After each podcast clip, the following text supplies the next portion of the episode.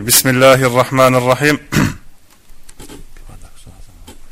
إن الحمد لله نحمده ونستعينه ونستغفره ونعوذ بالله من شرور أنفسنا ومن سيئات أعمالنا.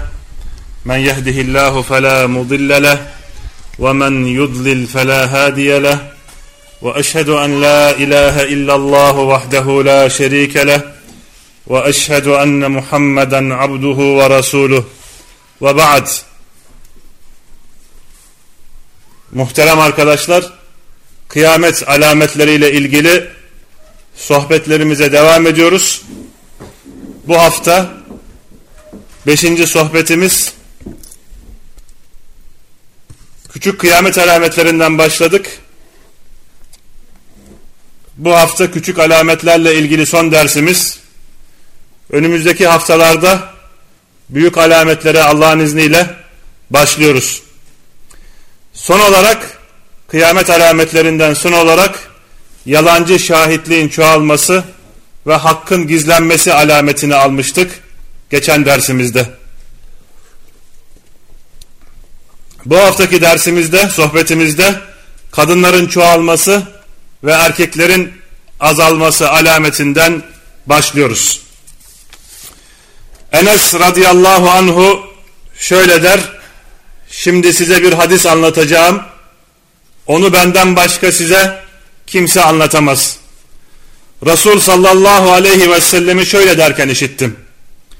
İlmin azalması, cahilliğin ortaya çıkması, zinanın yayılması, kadınların çoğalması ve erkeklerin azalması kıyamet alametlerindendir. Öyle ki 50 kadına bir erkek bakar. Öyle ki 50 kadına bir erkek bakar.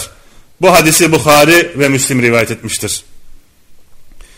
Ve ilim ehli kadınların çoğalıp erkeklerin azalmasını şu şekilde açıklar.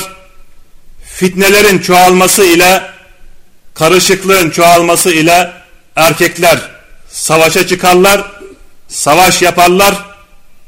Kadınlar ise savaşmazlar geride kalırlar.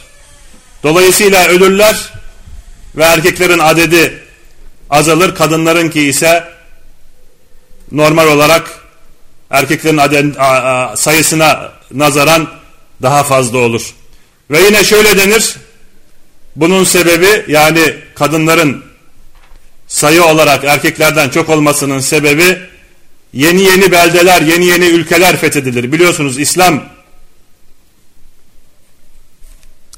Biliyorsunuz İslam e, Mekke'de daha sonra Medine'de başlar ve topraklarını, sınırlarını genişletir.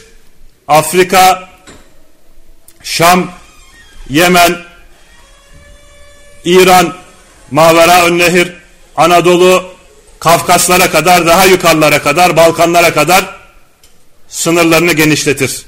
Evet yeni yeni yerler fethedilir. Ganimet olarak alınan kadınlar çoğalır ve her erkeğin birden fazla kadını olur denmekte. Evet bir başka kıyamet alameti ani ölümü ani ölümün çoğalması. Ani ölüm. Enes İbni Malik'ten gelen hadiste Resul sallallahu aleyhi ve sellem merfu olarak şöyle der. Ani ölümün çoğalması kıyametin alametlerindendir. Bu hadisi Tabarani Mucemul e, Sagir'de ve Avsat'ta rivayet etmiştir. Albani hadisin hasen olduğunu söyler. Ani ölümün çoğalması kıyametin alametlerindendir. Bu alamet günümüzde görülmekte. İnsanların aniden ölmeleri çoğalmakta. Sağlam, sıhhatli bir adam bir bakıyorsunuz aniden ölü veriyor. Zamanımızda buna kalp krizi denmekte akıllı insanın kendine dikkat etmesi ve ani ölüm gelmeden önce Allah'a bir an tövbe edip ve salih amel işlemesi gerekmekte. Bakın İmam Bukhari ne der bu hususta? Boş zamanı fırsat bil, belin bükülmeden.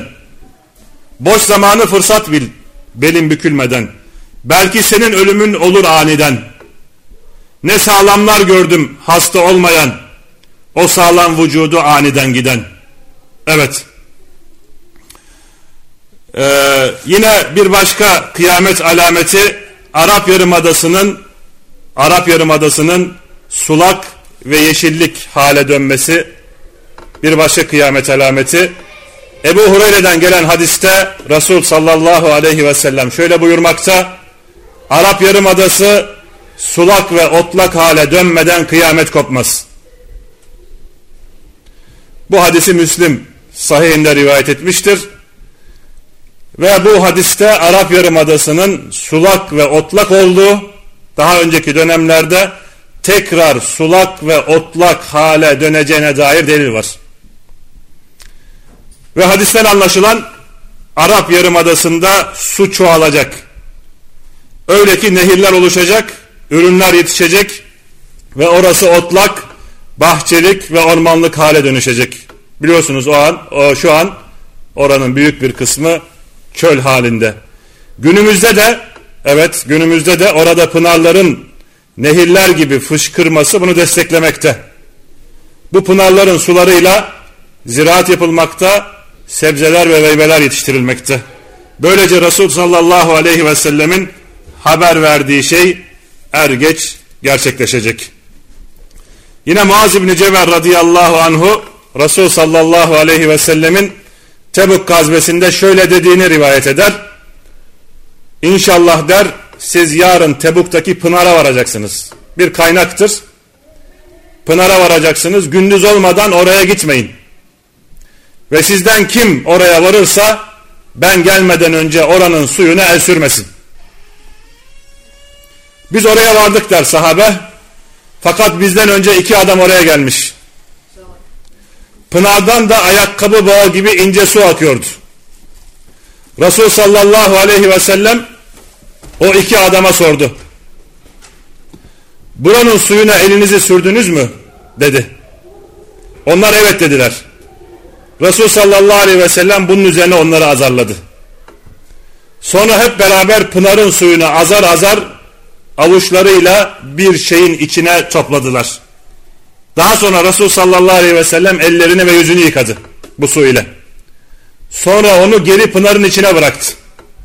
Pınar coşkun bir şekilde aktı. Ve oradakiler bol bol ondan içtiler. Sonra Resul sallallahu aleyhi ve sellem şöyle buyurdu. Ey Muaz! Eğer senin ömrün uzun sürerse buranın bahçelerle dolu olduğunu görürsün dedi. Evet bu hadisi Müslim Fadail kitabında rivayet etmiştir. Uçakla e, hac yahut umre ziyaretine gidenler gündüz eğer geçtilerse mıntıkanın yavaş yavaş yeşillenmeye başladığını göreceklerdir. Yine bir başka kıyamet alameti yağmurun artması, bunun mukabilinde ürünün azalması. Enes radıyallahu anhu Resul sallallahu aleyhi ve sellem'den şöyle rivayet etmiştir. Kıyametten önce bir sene müddetince yağmur yağar ama yerden bir bitki bitmez. Evet hadisi İmam Ahmed Müsned'inde rivayet etmiştir. İbn Kesir isnadının iyi olduğunu söylemiştir. Yine yerden bir bitki, bitki bitmesi için eğer yağmur sebep ise şüphesiz ki sebep ama allah Teala bu e, bunu engellerse tabi buna karşı hiçbir şey mani olamaz. Hiç kuşku yok ki hem sebepleri ve her şeyi yaratan Allah'tır ve hiçbir şey de onun iradesine karşı koyamaz. Ebu Hureyre'den gelen yine başka bir hadiste Resul sallallahu aleyhi ve sellem şöyle buyurur. Kıtlık der, kıtlık yağmurun yağmaması değildir. Fakat asıl kıtlık üzerinize yağmur yağar, yağar da yeryüzünde bir bitki dahi bitmez. Evet bu kıyamet alametini Müslim rivayet etmiştir Fiten kitabında. Demek ki Peygamber sallallahu aleyhi ve sellemin haber verdiği bu alametler evet er geç gerçekleşecek. Bir kısmı gerçekleşmiş bir kısmı gerçekleşmeye devam ediyor. Bir kısmı da mustakbelde Allah'ın izniyle gerçekleşecek. Bir başka kıyamet alameti Fırat nehrinden altın bir dağın çıkması. Arkadaşlar Fırat nehri Fırat e, kelimesi Arapçada tatlı su manasına gelmekte. Erzurum ve civarından çıkan Erzurum ve civarındaki dağlardan çıkan bu e, nehir daha sonra Irak'a girer ve orada Dicle Nehri ile birleşir ve oradan İran denizine, eski Hint denizine akar. Evet Peygamber sallallahu aleyhi ve sellem bu nehirden altından bir dağın çıkacağını bizlere haber vermekte. Ebu Hureyre'den Resul sallallahu aleyhi ve sellem şöyle der. Fırat nehrinden altın bir dağ çıkmadıkça kıyamet kopmaz. Ve insanlar onu almak için birbirleriyle savaş yaparlar. Her yüz kişiden 99'u öldürülür. Ve onlardan her biri belki kurtulan kişi ben olurum der. Evet böyle bir fitne insanlar dünyalığa sahip olabilmek için birbirlerini öldürürler. Bu hadisi Bukhari ve Müslim rivayet etmiştir. Bu altından olacak olan bu dağ hakkında bazı insanlar bunun petrol olduğunu söylemişler. Ancak bu tefsir, bu açıklama yanlıştır. Hadisin manasını tahrif etmektir, bozmaktır. Niye? Çünkü hadiste açıkça altın bir dağ diye geçmekte. Ve altın herkesin bildiği bir maden. Petrol ise altın değil. İkinci olarak Resul sallallahu aleyhi ve sellemin haber verdiğine göre Fırat'ın suyundan altın bir dağ çıkacak. Fırat'ın aktığı o yerden altın bir dağ çıkacak ve insanlar o dağı görecekler. Petrol ise yerin binlerce metre altından aletlerle çıkartılmaktı. Üçüncü olarak Resul sallallahu aleyhi ve sellem başka deniz ve nehirlerden bahsetmez. Özellikle Fırat'tan bahseder. Petrol ise hemen hemen her yerde veya ve denizlerde çıkartılmakta. Ve birbirinden farklı farklı bölgelerde olmakta. Ama burada Fırat üzerinde der ve oradan bir altın dağının çıkacağını peygamberimiz haber verir. Dördüncü olarak da Resul sallallahu aleyhi ve sellemin haber verdiğine göre insanlar bu hazineye, bu altına sahip olabilmek için birbirlerini öldürecekler, savaş yapacaklar. Oysa Fırat'ın yakınlarında veya başka yerlerde petrol çıktığında insanlar savaş yapmamışlar. Peygamberimizin haber verdiği sıfatta. Aksine Resul sallallahu aleyhi ve sellem bu hazineyi gören kişilerin ondan bir şey almasını yasaklamış. Nitekim Ubey İbni Kâb'tan gelen bir rivayette şöyledir. İnsanlar dünyayı elde etmek konusunda birbirleriyle yarışmaktan geri kalmazlar. Ve ben Resul sallallahu aleyhi ve sellemi şöyle derken işittim der. Fırat'ın altın bir dağ çıkarma zamanı yaklaşıyor. Her kim orada hazır bulunursa sakın ondan bir şey almasın. Sakın ondan bir şey almasın. Bu hadisi Müslim rivayet etmiştir. Ve kim bu altının petrol olduğunu söylüyorsa onu almanın yani petrolü de almanın yasak olduğunu söylemesi gerekir ki bunu şimdiye kadar hiç kimse söylemiş değil. Ve İbn Hacer Laskalani Bukhari'nin şerhini yapan İbn Hacer Laskalani o altından almanın yasaklanma sebebi neticede fitne ve savaşa sebep olacağı içindir der. Yani insanlar gidip alırlarsa bu uğurda birbirlerini öldürecekler. Dolayısıyla Peygamber sallallahu aleyhi ve sellem ona dokunulmaması ve ondan alınmamasını bizlere emretmiştir. Evet bir başka kıyamet alameti yırtıcı hayvanların ve eşyaların insanlarla konuşması. Evet kıyamet alametleri bunları garipsemeyin. Çünkü Peygamber sallallahu aleyhi ve sellem insanların uyanması için insanların kendilerine gelmesi için bu harikulade hadiselerin olacağını dolayısıyla insanların Rablerine dönmeleri gerektiğini ve tövbe etmeleri bu alametleri gördükten sonra tövbe etmeleri dileğiyle bunları teker teker bizlere ümmetine bildirmiş. Yırtıcı hayvanların ve eşyaların insanlarla konuşması. Evet. Kıyamet alametlerinden biri de budur. Yırtıcı hayvanların ve eşyaların insanlarla konuşması. Onlar yok iken, evde yokken olan şeyleri haber vermeleri. Yine insanın bazı organlarının konuşması. Kıyamet alametlerinden. Örneğin kişinin baldırı o evde yokken ailesinin ne yaptığını ona haber vermesi. Bunların hepsi sahih ve sabit hadislerde gelmiş bulunmakta. Ebu Hureyre'den gelen hadis şöyledir. Bir çobanın yanına kurt geldi. Ve onun bir koyununu çaldı. Çoban koyunu geri almak için kurdun peşine düştü ve geri aldı. Ve kurt yüksek bir yere çıktı. Kuyruğunu iki bacağının arasından karnına doğru uzatarak kıç üstü oturdu. Köpeklerin oturma şeyini biliyorsunuz. İki bacağını diker, arka iki bacağı ayağı üzerine ve kıçı üzerine kuyruğunu da iki bacağı arasından çıkartarak oturur. Ve şöyle dedi. Allah'ın bana rızık olarak verdiği şeyi benden geri alıyorsun. Der çobana. Ve adam aslında bir Yahudidir. Vallahi der ilk kez bugün bir kurdun konuştuğunu görüyorum der. Ve kurt bakın ne der? Bundan daha ilginci. Medine'deki iki harre arasındaki hurmalıklarda bir adam peygamberimizi kasteder. Medine'de harre şarkıye ve harre garbiye vardır. O siyah taşların bulunduğu e, doğu ve batı mıntıkası olmak üzere iki tane harre vardır, iki tane mıntıka vardır. Ve der ki o e, kurt, o Yahudi adama Medine'deki iki harre arasındaki hurmalıklarda bir adam daha önce ne olduğunu ve sizden sonra ne olacağını sizlere haber veriyor. Yani aranızda bir peygamber var. Gelmişten ve geçmişten size haber veriyor. Tacip edilecekse buna tacip edilmesi gerekir. Benim konuştuğuma değil. Ve Yahudi olan bu adam Resul sallallahu aleyhi ve selleme gelir.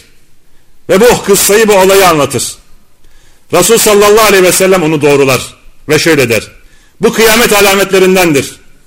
Kişi evinden ayrılıp, kişi evinden ayrılır ve daha geri dönmeden ayakkabıları ve kırbacı evinde ne olmuşsa ona haber verir. Evet bu hadisi İmam Ahmet Müsned'inde rivayet etmiştir. Ahmet Muhammed Şakir isnadının sahih olduğunu söylemiş. Yine Ebu Said'in Hudri'den gelen rivayette şöyledir. Bu kıssayı anlattıktan sonra Peygamber sallallahu aleyhi ve sellem şöyle buyurur. Nefsim elinde olana yemin ederim ki bu doğrudur. Yırtıcı hayvanlar insanlarla konuşmadıkça kıyamet kopmaz. Kişinin kamçısı ve ayakkabısının bağı o kişi ile konuşur. Baldırı evde ailesinin ne yaptığını haber verir der. Bu hadisi yine İmam Ahmet Müsted'inde rivayet etmiştir. Albani senedinin sahih olduğunu söylemiştir. Yine bir başka kıyamet alameti belalardan dolayı ölü, ölüp kurtulmak istemek.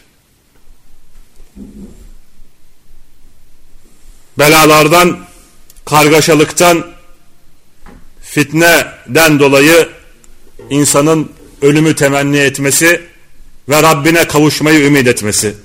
Bu dünyadan kurtulmayı istemesi. Ebu Hureyre'den Resul sallallahu aleyhi ve sellem şöyle buyurur. Kişi der bir başkasının kabrine uğrayıp da keşke ben bu ölünün yerinde olsaydım diye temenni etmedikçe kıyamet kopmaz. Demek ki insanların insanlara bu tür belalı ve fitnelerin çokça olduğu seneler gelecek ve insanlar kabirlere uğradıklarında orada o ölünün yerinde olması olmalarını temenni edecekler. Bu hadisi arkadaşlar Bukhari ve Müslim rivayet etmiştir. Keşke ben bu ölünün yerinde olsaydım diye temenni etmedikçe kıyamet kopmaz der Peygamber sallallahu aleyhi ve sellem. Yine Ebu Hureyre'den Resul sallallahu aleyhi ve sellem şöyle buyurur.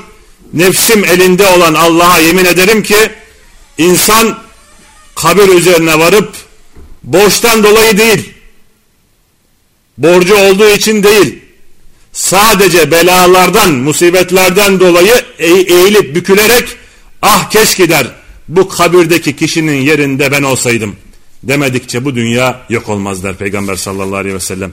Bu hadisi Müslim sahihinde rivayet etmiştir. Ölümün temenni etmek arkadaşlar fitnelerin çoğaldığı, hayatın ve İslami yaşantının değiştiği zamanda olur. Eğer şimdiye kadar bu olmamışsa ileride mutlaka mustakbelde bu vuku bulacaktır. Ve İbni Mesud radıyallahu anhu şöyle demiştir. Sizin üzerinize öyle bir zaman gelecek ki eğer sizden birisi ölümün satıldığını bulsa onu satın alır. Ve şairin de şöyle dediği gibi bu hayatın tadı kalmadı. Ölümü satan varsa ben alayım. Ve hadis şarihi ve büyük muhaddis Hafız el-Iraki şöyle der. Ölümün temennisi, insanın ölümü istemesi, ölümün her ülkede olması veya her zaman olması veya her insanda olması gerekmemekte. Aksine bazı kişilerde, bazı yerlerde ve bazı zamanlarda gerçekleşir. Ölümün istenmesi bize insanların başlarına çok kötü haller geldiğini gösterir. Büyük musibetler, büyük felaketler uğramıştır. Kişi bazen onu ister ama aslında ölüme hazırlıklı değildir. Ölüleri görüp kabirlere baktığı zaman tabi olarak bundan vazgeçer. Ölümü isteme düşüncesinden kaçar. Ölümü ve kabirleri gördüğü zaman. Ama genelde gördüğü bela ve fitne evet, gördüğü bela ve fitnelerin şiddeti sebebiyle o kadar şiddetlidir ki başından geçen bela ve musibetler kalbi, kabrin o ürkütücülüğü artık onu caydırmaz. Ölümü ister. Çünkü bela ve musibetler çok daha fazla onu onu etkisi altına almıştır. Tabi arkadaşlar bu hal ölümün istenmesinin yasak olduğu e, hadisiyle çat, çatışmaz. Peygamber sallallahu aleyhi ve sellem biliyorsunuz kişinin ölümü temenni etmesini kişinin ölümü temenni etmesini nehyetmiştir, yasaklamıştır. Ha, ancak kişi bundan başka bir çaresi kalmazsa ne yapar? allah Teala'dan e, hayrı ister. Hayrın hangisinde e, eğer ölümde onun hayrı varsa bunu kendisine takdir etmesini eğer yaşamda onun için hayır var ise e, yaşamı allah Teala'nın ona takdir etmesini o izni vermiştir.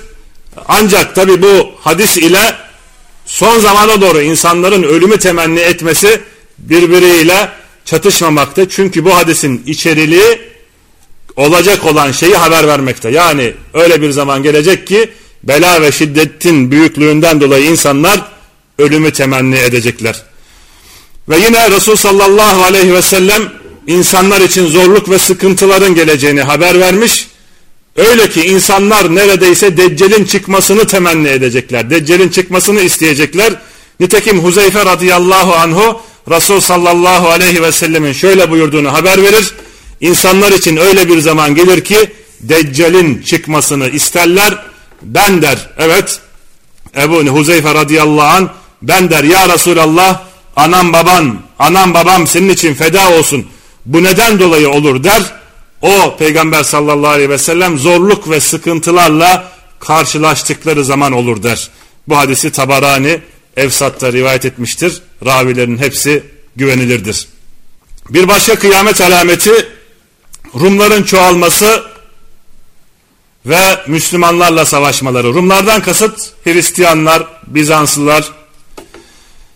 Müstevvid el-Kureyşi Amr ibn As'ın yanında şöyle der. Ben Resul sallallahu aleyhi ve sellemi şöyle derken işittim. Kıyamet Rumlar insanların en çoğu olduğu zaman kopar. Amr ona ne söylemekte olduğuna iyi bak der. Amr ibn As. Müstevrit ben Allah Resulü sallallahu aleyhi ve sellem'den işittiğimi söylüyorum der. Müslim'deki hadiste. Yine Avf ibn Malik el-Eşşai radıyallahu anhudan gelen hadiste Resul sallallahu aleyhi ve sellem şöyle buyurur. Kıyametten önce altı şey say der. Ve bunlardan biri sizinle Rumlar arasında barış imzalanır. Ama düşmanlarınız anlaşmayı bozarak her birlikte 12 bin asker olan 80 bayrakla birlikte üzerinize gelirler. Hadisi Bukhari rivayet etmiştir. Bu hadiste 12 bin askerle birlikte 80 birlik 12 bin asker 80 birlik takribi 960 bin 1 milyona yakın asker zikredilmekte Tabi 90 bayraktan kasıt acaba 90 tane millet mi? Bunun bundan muradı tabi ne olduğunu en iyi allah Teala bilmekte. Yine Cabir İbni Semur'a Nafi İbni Utbe'nin şöyle dediğini söylemiştir. Biz Resul sallallahu aleyhi ve sellemle birlikteydik. Ve orada Resul sallallahu aleyhi ve sellem'den dört tane kelime ezberledim. Ve onları her zaman hazır tutuyorum der. Dedi ki siz Arap Yarımadası'nı fethetmek için savaşırsınız. Ve allah Teala orayı sizlere verir. Sonra İran'ı fethetmek için savaşırsınız. Allah Teala orayı size verir. Sonra Rumlarla savaşırsınız. Rumlardan kasıt Şam'a kadar inmiş, Tebu'a kadar inmiş olan Anadolu'da da o an bulunan Bizanslılardır. Evet. Sonra Rumlarla savaşırsınız. Çünkü orası eskiden yani Anadolu'ya Biladur Rum denirdi. Ve orada olan alimlere İslam'dan sonra dahi İslam'dan sonra dahi nispet olarak Er-Rumi denirdi. Er-Rumi. Fulan Er-Rumi. Sonra Rumlarla savaş yaparsınız allah Teala orayı da sizlere verir. Sonra Deccal ile savaşırsınız Allah sizi galip çıkaracaktır. Ve Nafi ya Cabir biz Rum diyarı fetholununcaya kadar Deccal'in çıkacağını zannetmiyoruz der. Evet Rum diyarı fetholunur daha sonra Deccal çıkar. Bu hadisi Müslim Fiten kitabında rivayet etmiştir. Ve Rumlarla Müslümanlar arasındaki savaşın nasıl olacağını, keyfiyetini Peygamber sallallahu aleyhi ve sellem e, yine Müslim'de gelen bir hadiste bizlere beyan eder. Ve Yüseyr İbni Cabir şöyle der arkadaşlar. Kufe'de kırmızı bir rüzgar esmişti. Demek ki rüzgarın kırmızısı da olmakta. Kufe'de kırmızı bir rüzgar esmişti. Derken ya Abdullah İbni Mesud kıyamet, sahip, kıyamet saati geldi demekten başka bir konuşma ve hali olmayan bir adam çıka geldi. Sahabeye bir adam gelir. Kıyamet saati geldi demekten başka bir hali olmayan. Ve Abdullah bin Mesud dayanmaktayken bu söz üzerine hemen oturur. Ve miras taksim olunmadıkça, ganimetle sevinilmedikçe kıyamet kopmaz der. Sonra elini Şam tarafına yani Suriye tarafına kaldırarak işaret eder. Ve pek çok düşman Müslüman halk ile savaşmak için ordu ve silah toplarlar. Müslümanlar da onlarla savaşmak için ordu ve silah toplarlar dedi. Abdullah İbni Mesud. Hadisin ravisi ben Abdullah İbni Mesud'a bu sözünle Rumları mı kastediyorsun diye sordum. Abdullah evet dedi. İşte bu savaş sırasında büyük bir saldırma ve ona karşı koyma olur. Yani Müslümanla gayrimüslimler, kafirler birbirleriyle şiddetli bir şekilde savaşırlar. Ve şöyle olur der. Müslümanlar ölüm kalım savaşı yapacak ve ancak galip olacak, galip olarak dönecek olan bir fedailer birliği Müslümanlardan böyle bir fedailer birliği ya ölecekler ya da galip olacaklar şartıyla düşmanla savaşır. Ve neticede düşman ordusu da İslam ordusu da geri dönerler.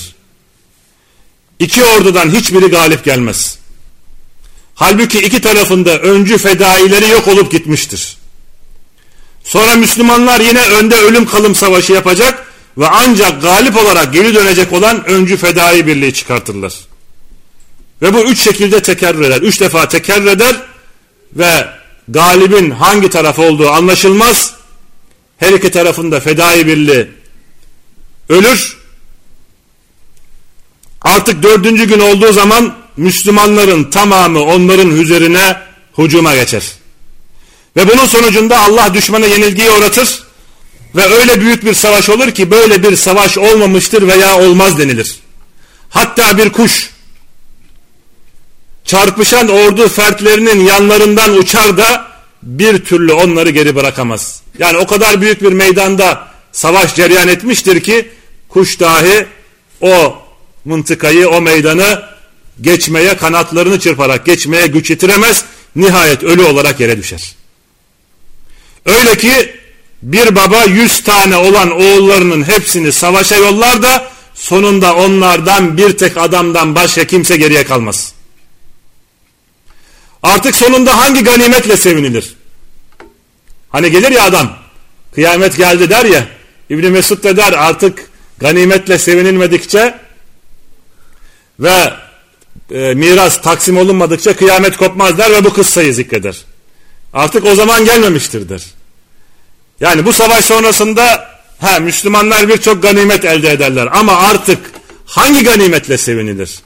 Veya hangi miras da aralarında bölüşülüp taksim edilir der Abdullah İbni Mesud.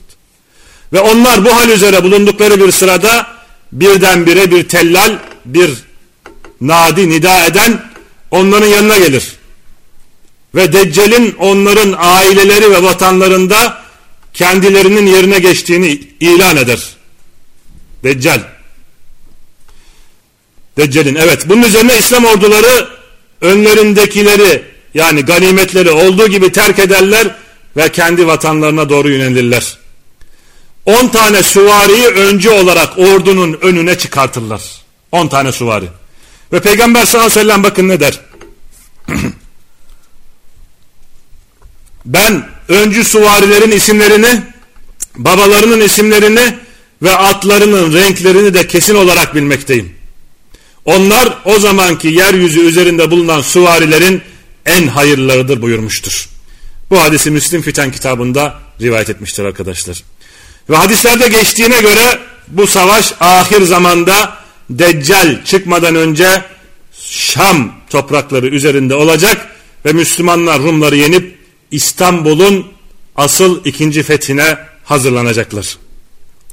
Ve nitekim, Ebu Hureyre'den gelen hadiste Resul sallallahu aleyhi ve sellem şöyle buyurur. Rumlar amak ya da dabık bölgesine ininceye kadar kıyamet kopmaz. Amak ve Dabık e, mıntıkası Antalya ile Halep arasında iki yer ismi. Antalya'yı biliyorsunuz. Antakya pardon. Antakya. Antakya Suriye, Sur, Türkiye ile Suriye arasında bir bölge, bir şehir. Halep'te Suriye'de bir şehir ismi. Ve Peygamber sallallahu aleyhi ve sellem Rumlar der Amak veya ya da Dabık bölgesine ininceye kadar kıyamet kopmaz. Bütün bunlar Rumların Hristiyanların tekrar Anadolu'yu istila edeceği ve tekrar bu toprakları ellerine geçireceğine delil. O vakit gelince Medine'den yeryüzü halkının en hayırlarından olan bir ordu Rumlara karşı çıkar. Ve Müslüman ordusu Rumlara karşı savaş şeklinde saf oldukları zaman Rumlar Müslümanlara bizimle bizden esir olanlar arasını boşaltın da biz onlarla savaşalım derler. Ve bu teklif karşısında Müslümanlar hayır vallahi bizler sizinle o kardeşlerimizin arasından çekilmeyiz. Ve Rumlarla savaşırlar ve savaşta Müslümanların üçte biri yenilerek kaçar ki Allahu Teala onların tövbelerini asla kabul etmez. Ve Müslüman ordusunun üçte biri öldürülür. Üçte biri kaçar, üçte biri öldürülür. Ve onlar Allah katındaki şehitlerin en üstünleridir der Peygamber sallallahu aleyhi ve sellem. Müslüman ordusunun üçte biri de savaşa devam eder. Ve bunlar asla kendi aralarında bir fitne ve ihtilafa düşmezler. İşte bunlar İstanbul'u fethederler. Fetihten sonra kılıçlarını zeytin ağaçlarına asmış oldukları halde tabi İstanbul'un fethi biraz sonra gelecek savaşla olmaz, kılıçla olmaz, tekbirle ve tehlille olur. Ve kılıçlarını zeytin ağaçlarına asmış oldukları halde aralarında ganimeti tas, taksim ederken, bölüştürürken şeytan onların içinde Mesih sizin ailelerinizi ele geçirmiştir diye bağırır. Bu söz aslında yalandır ve batıl bir sözdür. Buna rağmen Müslüman askerler yola çıkar, Şam'a geldikleri zaman savaş için hazırlık yapıp saflarını ayarlarken namaza ikamet getirilir ve Meryem oğlu İsa yeryüzüne iner. Evet bu hadisi Müslim Fiten kitabında rivayet etmiştir. Ve Ebu Derda'dan gelen rivayette Peygamber sallallahu aleyhi ve sellem şöyle der. Kıyametten önce olacak büyük savaşta Müslümanlar Guta bölgesindeki Şam şehrinde toplanırlar. O şehir Suriye'nin en hayırlı şehridir der. Evet Ebu Derda Peygamber sallallahu aleyhi ve sellem'den. Bir başka kıyamet alameti bununla bağlı, bununla ilgili, bununla bağlantısı var. İstanbul'un fethi, evet alametlerden birisi Deccal çıkmadan önce İstanbul'un Müslümanlar tarafından fethedilmesi. Hadislerde öğrendiğimize göre bu fetih kıyamet kopmadan önce olacak olan büyük savaşta Müslümanlarla Rumlar evet bu büyük savaşta bir savaş yapacaklar ve Müslümanlar Rumları yendikten hemen sonra İstanbul'a doğru yöneldiklerinde olacak İstanbul'un fethi. Ve Müslümanlar orayı Allah'ın izniyle savaş yapmadan dua ve tekbirlerle fethedecekler. Nitekim Ebu Hureyre'den gelen hadiste Resul sallallahu aleyhi ve sellem şöyle buyurmakta. Sizler der bir yakası karada bir yakası denizde olan bir şehir işittiniz mi? Sahabe evet işittik ya Resulallah derler. Resul sallallahu aleyhi ve sellem İshak oğullarından 70 bin kişi o beldeyle savaşmadıkça kıyamet kopmaz. İshak oğullarıdır. Evet İsmail oğulları demez.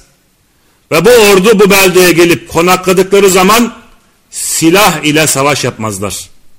Ok da atmazlar. La ilahe illallahu vallahu ekber. Allah'tan başka ilah yoktur ve Allah en büyüktür derler ve bunun üzerine o iki şehrin o şehrin evet iki yakasından biri düşer. Ve ravi olan hadisin ravisi Sevr şöyle der onun ancak şöyle dediğini biliyorum yani peygamberimizin deniz tarafındaki kısmı düşer. Yani fetholunur. Fethedilir. Sonra ikinci defa la ilahe illallah vallahu ekber diyecekler ve şehrin diğer yakası düşecek. Sonra üçüncü defa la ilahe illallah vallahu ekber dediklerinde kendileri için bir gedik açılacak ve buradan şehre girerek ganimetleri elde edecekler.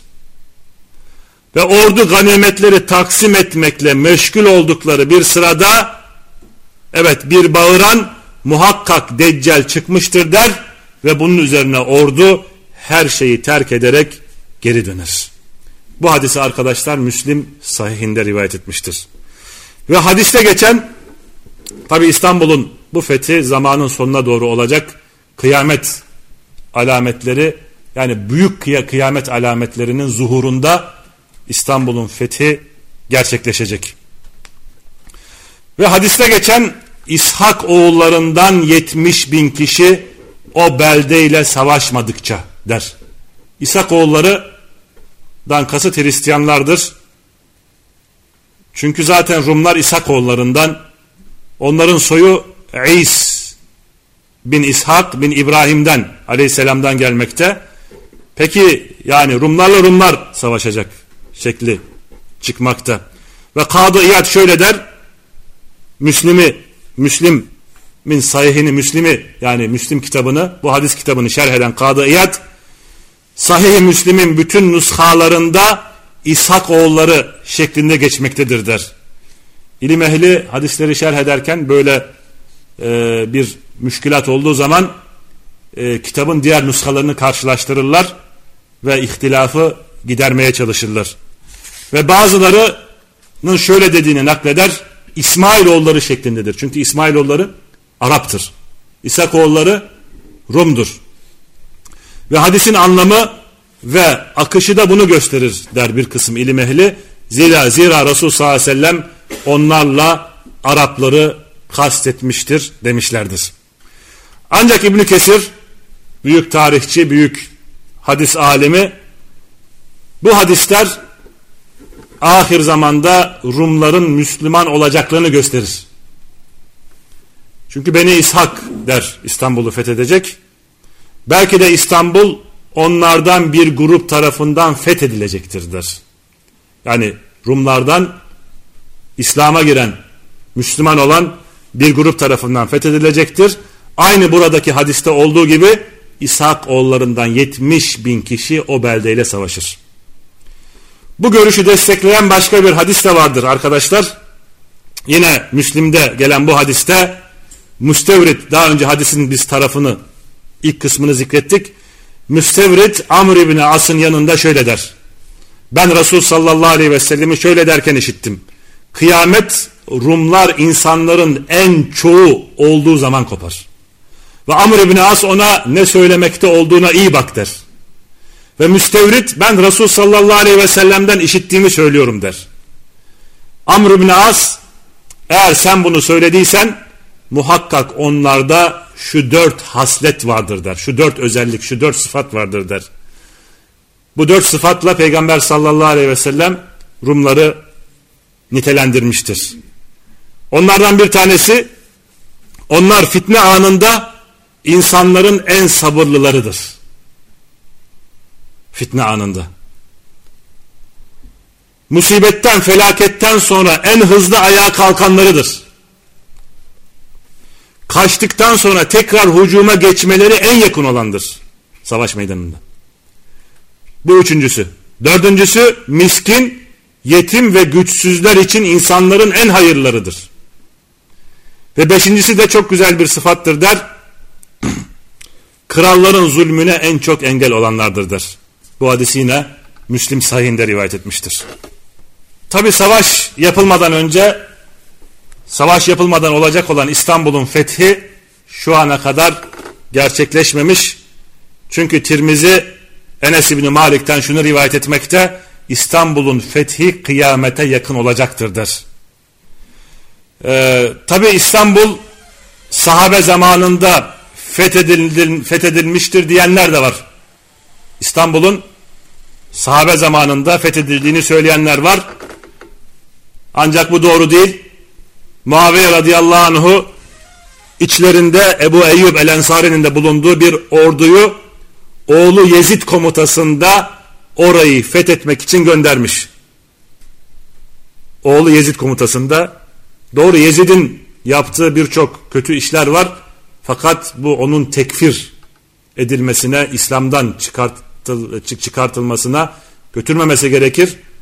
E, kendisi bir sahabe değil bir sahabenin oğlu e, bir babası tarafından bir ordunun başına konur ve o raya altında o bayrak altında sahabenin faziletli olanları onunla birlikte onun başkanlığı onun emareti altında savaşırlar ve İstanbul'u fethetmek için giderler ama fethetmeden geri dönmüşlerdir. Sonra Mesleme İbni Abdülmelik İstanbul'u kuşatmış daha sonraki dönemlerde ama yine fethedememiş fakat İstanbul içerisinde bir mescit yapılması konusunda Rumlarla anlaşma yapmıştır. Bunu e, İbn Hac e, İbn Kesir İbn Kesir El Fiten vel Melahim adlı kitabında zikreder. Ve Türklerin İstanbul'u fethi ise Osmanlılar döneminde Osmanlıların İstanbul'u fethi silah kullanarak olmuştur.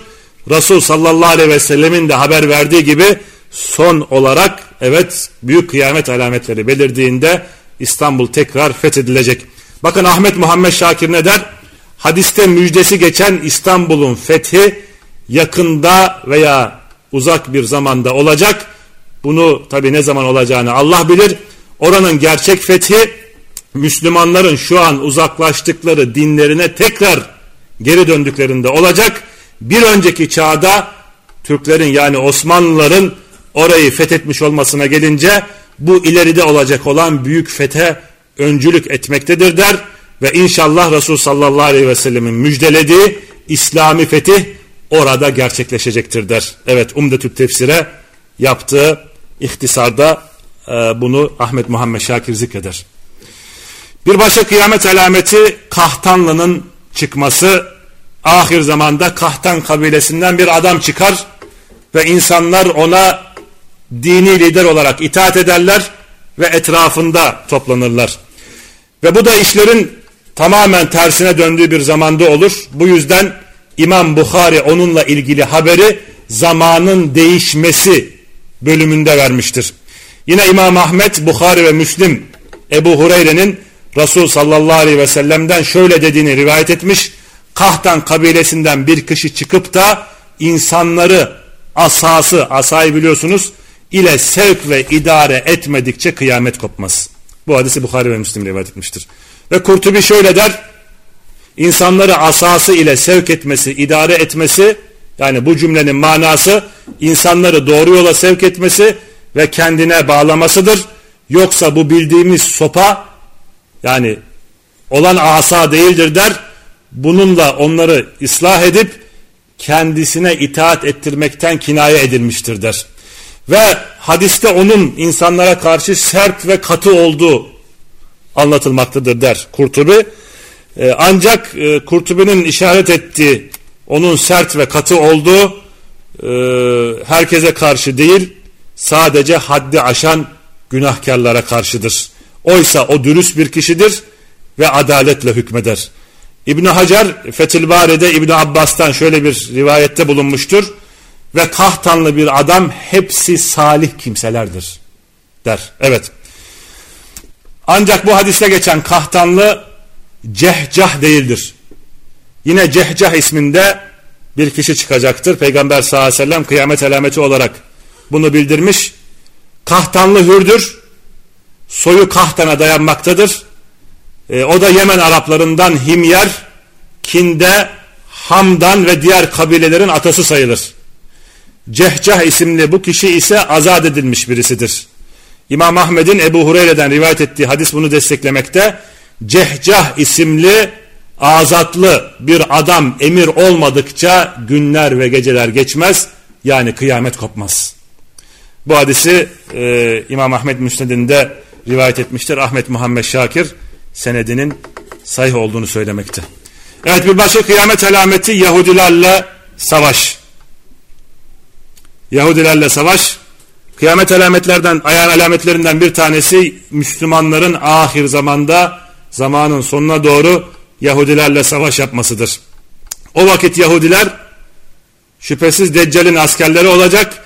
Müslümanlar da İsa Aleyhisselam'ın askerleri olacak. Öyle ki taş ve ağaçlar şöyle diyecekler. Ey Müslüman, ey Allah'ın kulu, arkamda bir Yahudi var, gel ve onu öldür diyecekler. Ve Müslümanlar Resulullah sallallahu aleyhi ve sellem zamanında Yahudilerle savaşmışlar, onları yenmişler ve Arap Yarımadası'ndan sürmüşler. Ve bu hususta Resul sallallahu aleyhi ve sellemin hadisini örnek olarak almışlar ve orada sadece Müslümanları bırakmışlar. Peygamber sallallahu aleyhi ve sellem bu konuda şöyle der. Arap Yarımadası'nda sadece Müslümanlar kalacak şekilde Yahudi ve Hristiyanları oradan çıkartındır. Fakat bu bölümde sözü edilen kıyametten önce olacak savaş o savaş değil. Yahudilerle Peygamber sallallahu aleyhi ve sellem zamanında savaş vakı olmuş. Fakat kıyamet alameti olarak zikredilen bu savaş Peygamber sallallahu aleyhi ve sellem zamanında olan savaş değil. Bu savaş Deccal çıktığı zaman Müslümanlar Yahudilerle savaşacak ve o anda İsa aleyhisselam yeryüzüne inecek.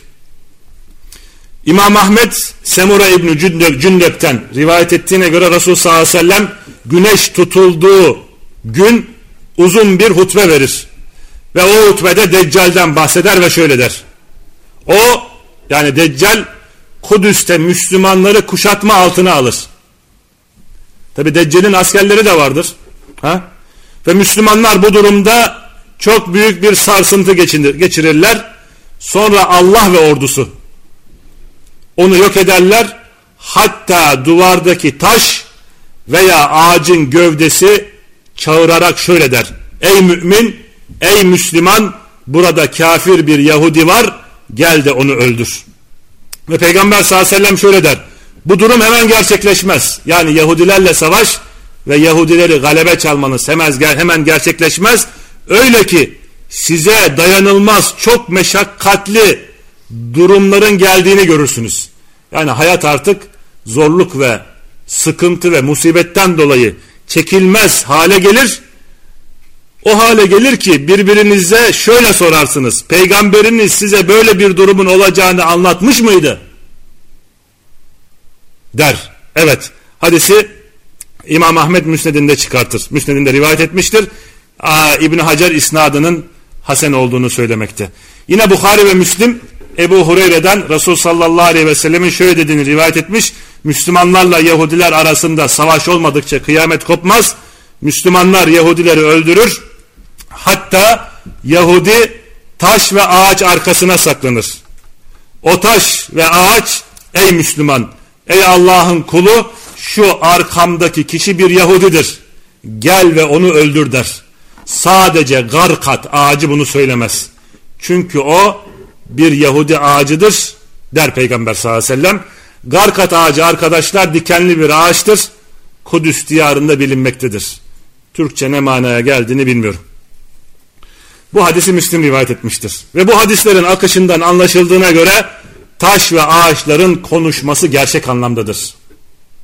Taş ve ağaç gerçekten insanlarla konuşacak. Çünkü Yahudilerle savaş dışında cansız varlıkların konuşması olayı diğer hadislerde de geçmişti. Ve bu kıyamet alametlerinden olduğu, olduğundan dolayı bunu ayrı bir bölümde geçen birkaç alamet öncesi zikretmiştik. Ve ahir zamanda cansız varlıklar konuşacaksa öyleyse bu hadisteki taş ve ağaçların konuşmasının da mecaz olduğu, mecaz anlama geldiğini söyleyemeyiz. Bunu iddia da edemeyiz. Fakat bazı alimler bunu iddia etmişler. Ayrıca hadisteki olayı e, mecaz olarak anlamaya e, dair bir delil de yok. Oysa cansız varlıkların konuşması Kur'an'da dahi bahsedilmiş. Kur'an'daki ayetlerde dahi cansız varlıkların konuşmasından allah Teala bahseder. Bakın e, insan derisine ne der? Derilerine niçin aleyhimize şahitlik ettiniz derler. Onlar da her şeyi konuşturan Allah bizi de konuşturdu derler. Ahirette bu vuku bulacaktır. allah Teala insanın ağzını hatmeder kapatır ellerini ve ayaklarını konuşturur kendi aleyhinde. Yine aynı şekilde insanın derisi de kendi aleyhine şahitlik edecek. Ve onlar da der ki her şeyi konuşturan Allah bizleri de konuşturdu. Yine başka bir ayette İsra suresi 44, 44'te onun övgü ile onu övgü ile tesbih etmeyen hiçbir şey yoktur. Yani allah Teala insan haricindeki mahlukattan bahseder. Yaratılmışlardan bahseder. Onu övgü ile tesbih etmeyen hiçbir şey yoktur. Ne var ki siz onların tesbihini anlayamazsınız. Ve Ebu Umame el-Bahili şöyle der. Resul sallallahu aleyhi ve sellem bize bir hutbe verdi ve hutbesinde en çok Deccal'den bahsetti. Ve bize ve bizi ona karşı uyardı. Onun çıkışını ve İsa aleyhisselamın inerek onu öldürmesini anlattı. İsa aleyhisselam kapıyı açın der. Tabi İsa aleyhisselam zamanın sonuna doğru büyük alametlerle birlikte zuhur edecek. Semadan inecek. Şam civarında Babul Lut, Lut kapısında inecek. Ve İsa aleyhisselam kapıyı açın der. Ve kapı açılır. Arkasında ellerinde kılıçlar elbiselere bürünmüş taylasan denmekte bu elbiselere yani şal. Şallara bürünmüş 70 bin Yahudi ile birlikte Deccal'i bulur. İsa aleyhisselam. Ve Deccal İsa'yı görünce tuzun surada, tuzun suda eridiği gibi erimeye başlar. Ve kaçmak, gitmek ister. İsa aleyhisselam benim sana bir vuruşum olacak der. Ondan önce benden kaçamazsın der. Ve bu olay Babul Lut'ta olur ve İsa aleyhisselam Deccal'i orada öldürür. Bu Suriye'de Şam'da bilinen bir yerdir arkadaşlar. Ve allah Teala Yahudileri yenilgiye uğratır ve allah Teala'nın yaratıp da yaratıp da arkasında Yahudi saklanan taş, ağaç, duvar ve hayvan gibi her şey her şeyi allah Teala onu konuşturur, her şeyi konuşturur. Sadece garkat ağacı bundan müstesnadır. Çünkü o Yahudi ağacıdır der Peygamber sallallahu aleyhi ve sellem. Bu hadis İbn-i Mace'de gelmiştir. Ee, senedi sahihtir. Bu hadiste cansız varlıkların konuşulduğu geçmekte. Yine bu hadiste garkat ağacının bir Yahudi ağacı olması ve arkasındaki Yahudi'yi haber vermemesi ve bunun ayrı tutulması, bu ağacın istisna edilmesi cansızların konuşmasının gerçek anlamda olduğuna bir delildir. Eğer bu konuşma mecazi olsaydı, hakiki manada, gerçek anlamda olmasaydı garkat ağacı bundan istisna edilmez, ayrı tutulmazdı. Ve garkat ağacı e, duyuyoruz, görüyoruz. E, Yahudiler tarafından seferlerde, uçaklarda dahi beraberlerinde taşınan bir ağaç Amerika'da özellikle İsrail'de devamlı surette, surette ekilen bir ağaç türü.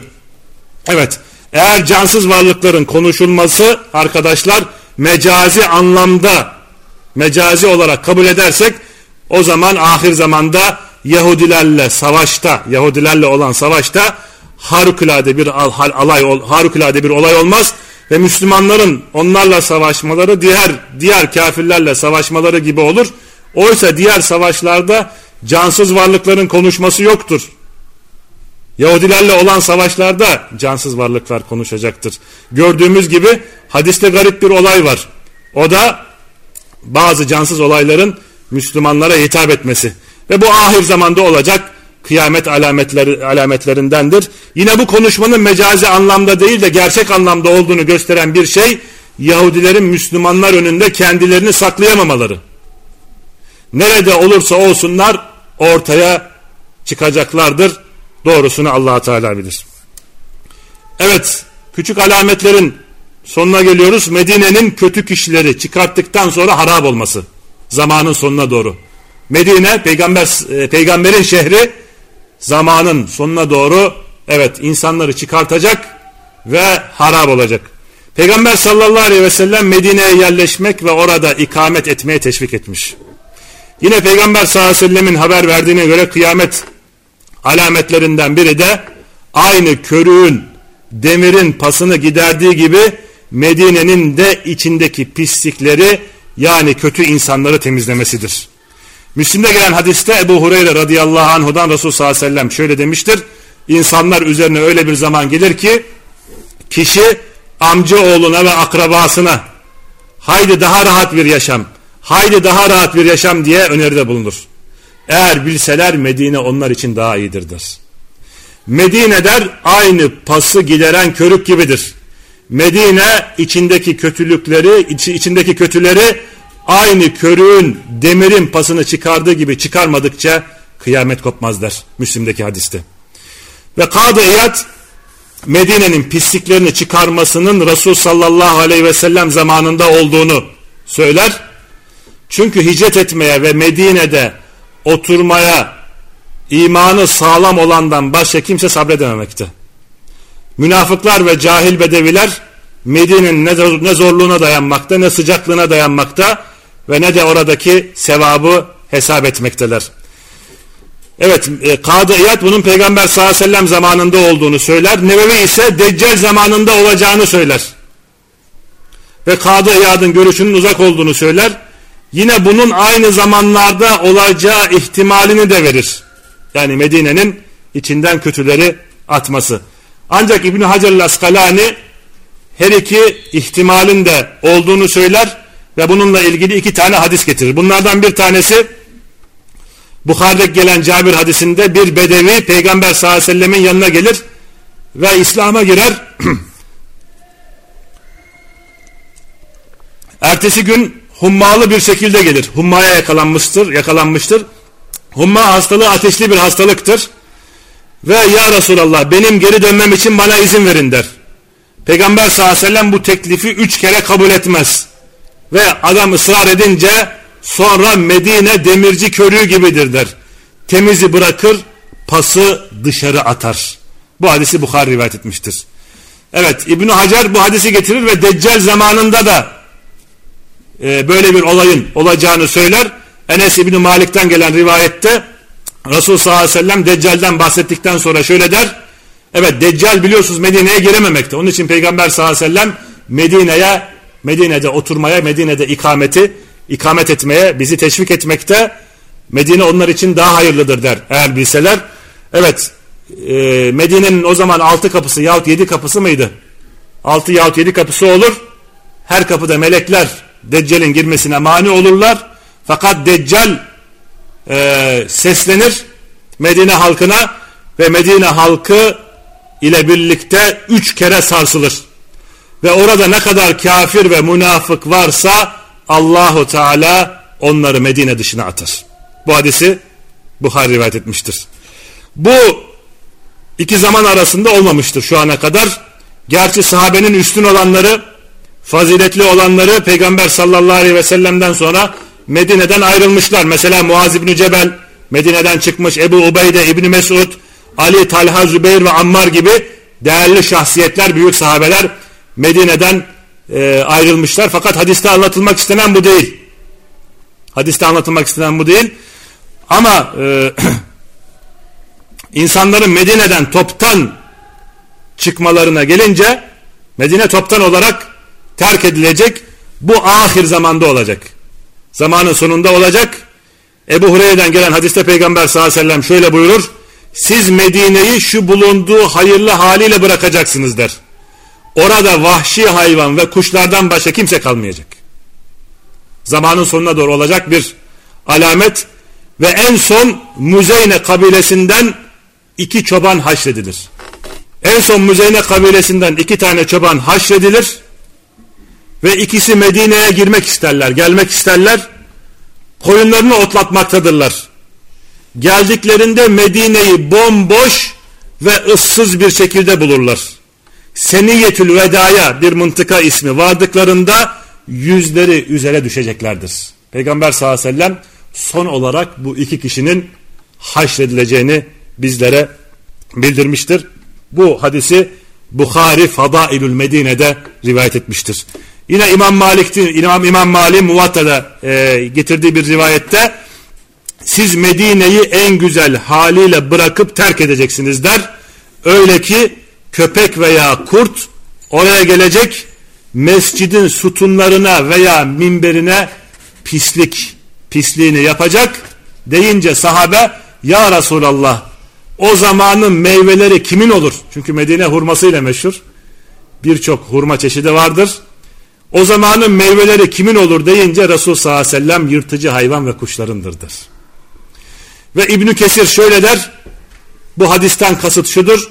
Medine Deccal çıkana kadar bozulmadan sağlam olarak kalacak. Sonra İsa aleyhisselam zamanında yine bozulmadan kalacak. Öyle ki İsa aleyhisselam orada ölecek Medine'de defnedilecek daha sonra ise harap olacaktır der İbni Kesir. Ve sonra Cabir radıyallahu anh'unun hadisini getirir. Ömer İbnül Hattab Cabir öyle der bana Resul sallallahu aleyhi ve sellem'den şöyle işittiğini haber verdi. Medine'nin kenarında bineğiyle yol alan birisi bineğiyle seyreden birisi zamanında burada birçok Müslüman oturuyordu der. Bu hadisi İmam Ahmet sahih bir, sahih bir isnatla rivayet etmiştir. Bütün bunlar insanların topluca Medine'den çıkacakları zamanın Deccal'in çıkışı ve İsa Aleyhisselam'ın inmesinden sonraki bir zamanda olacağının delilidir. İhtimalen bu olay bu olay büyük bir ateşin çıkıp insanları bir meydanda toplayacağı yani haşredeceği zaman olacaktır ki bu da artık kıyametlerin kıyamet alametlerinin en sonuncusudur. İnsanları haşredecek, toplayacak olan bir ateşin çıkması artık alamet kalmaz. Bunun akabinde kıyamet kopar. Ee, yine e, son alametlerden, küçük alametlerden, tabii küçük alametler illa büyük alametlerden önce olacak değil. Büyük alametlerden önce olup biten küçük alametler var. E, hala devam eden küçük alametler var. Ve ileride mustakbelde olacak küçük alametler var. Bu küçük alametler bazı büyük alametlerle birlikte bazı büyük alametlerin sonunda zuhur edecek. Evet müminlerin ruhunu alacak olan rüzgarın çıkması. Bu küçük alamet fakat büyük alametlerle birlikte zikredilmekte. Evet kıyamet alametlerinden bir tanesi müminlerin ruhunu alacak hoş bir rüzgarın, hoş ama soğuk bir rüzgarın esmesi. Bundan sonra artık yeryüzünde Allah Allah diyen bir kimse kalmaz. Ve insanların en kötüleri kalır ve kıyamet de onların üzerine kopar. Ve bu rüzgarın ipekten daha yumuşak bir rüzgar olduğu hadislerde beyan edilmiş.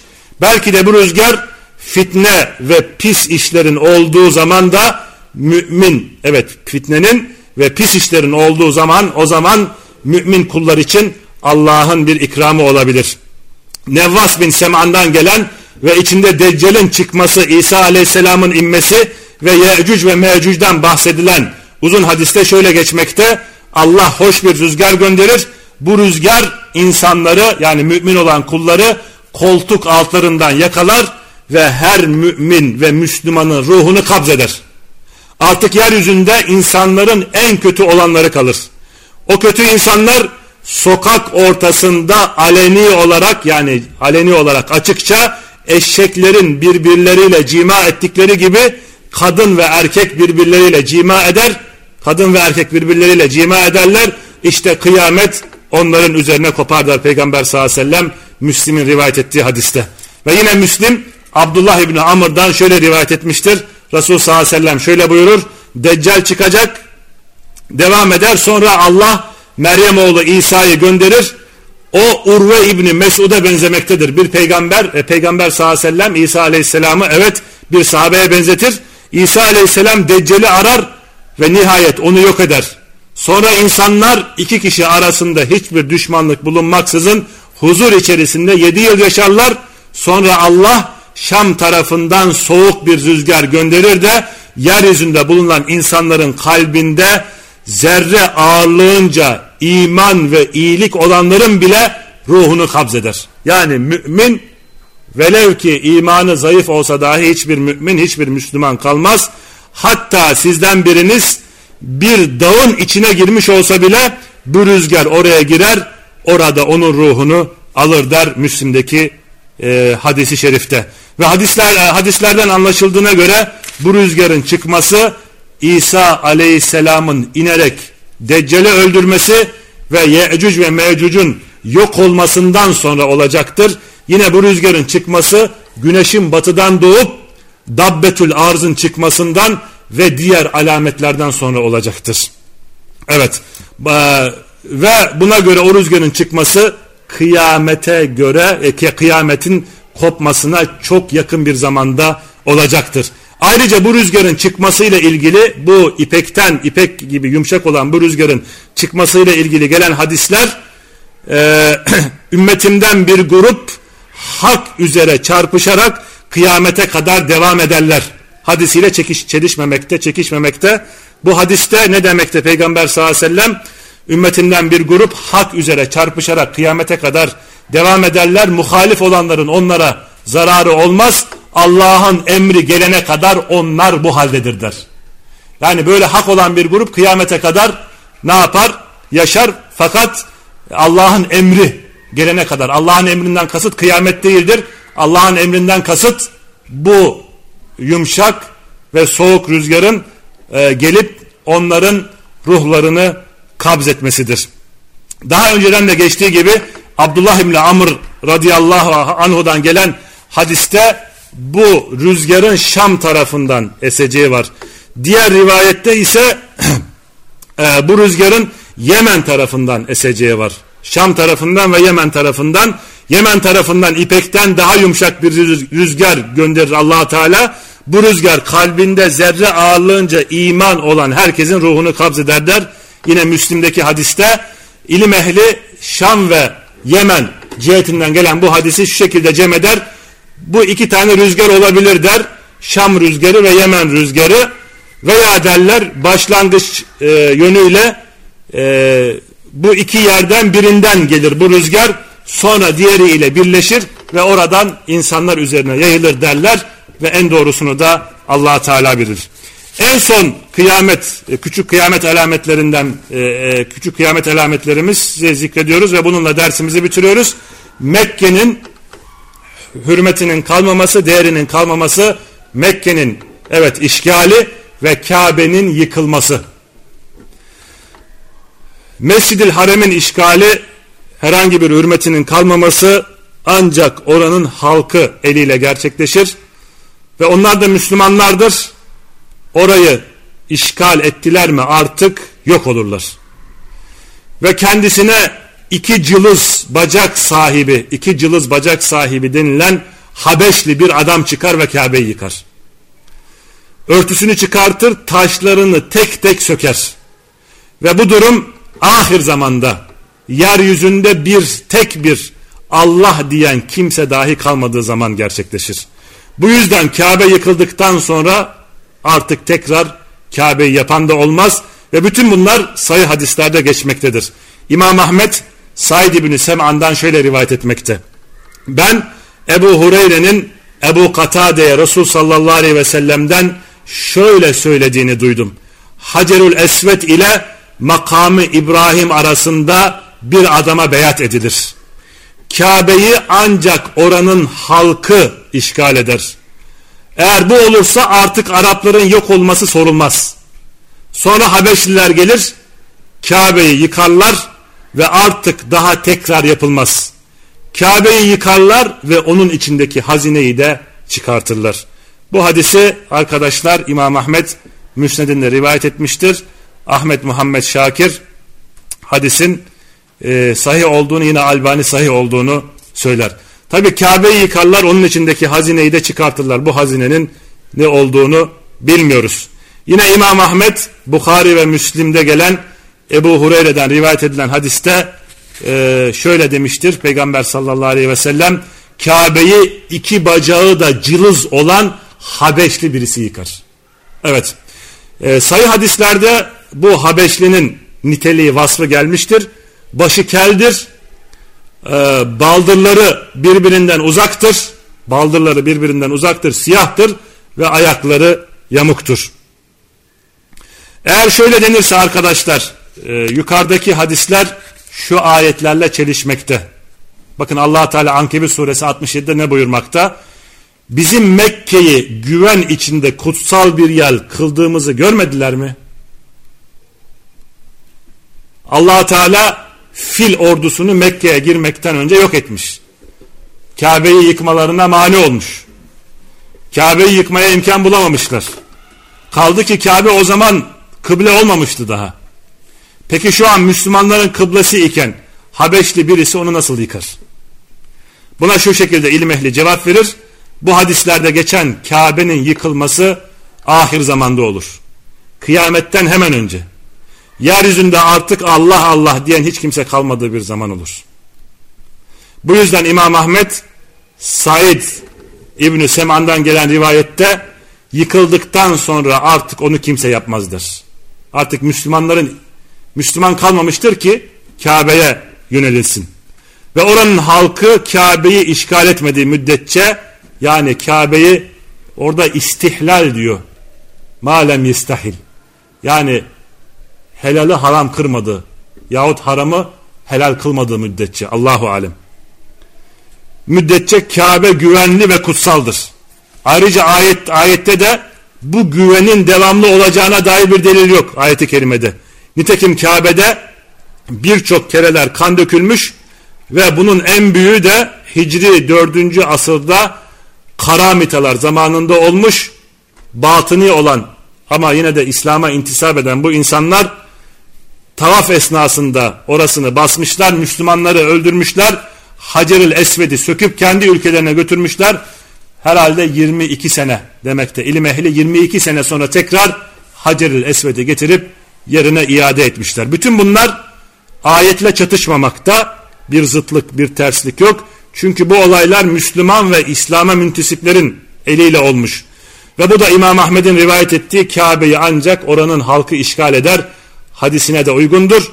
Ve bu ahir zamanda hiçbir Müslümanın kalmadığı zaman olur ve Kabe artık tekrar yapılmaz. Ee, küçük e, kıyamet alametlerini e, bu son alametle bitiriyoruz. Önümüzdeki sohbetlerimizde e, büyük kıyamet alametlerinden başlayacağız. E, Mehdi Aleyhisselam'ın gelmesiyle, Mehdi Aleyhisselam'ın gelmesi gerçi büyük kıyamet alameti değil. Ama büyük, büyük kıyamet alametlerinin başında Mehdi Aleyhisselam'ın gelmesi var. Daha sonra Deccal, Deccal'in çıkması, hemen akabinde o dönemde İsa Aleyhisselam'ın inmesi, Ye'cüc ve Mevcüc'ün yine zuhuru, üç büyük e, yeryüzünde çöküntü olacak duhan bir duman çıkacak.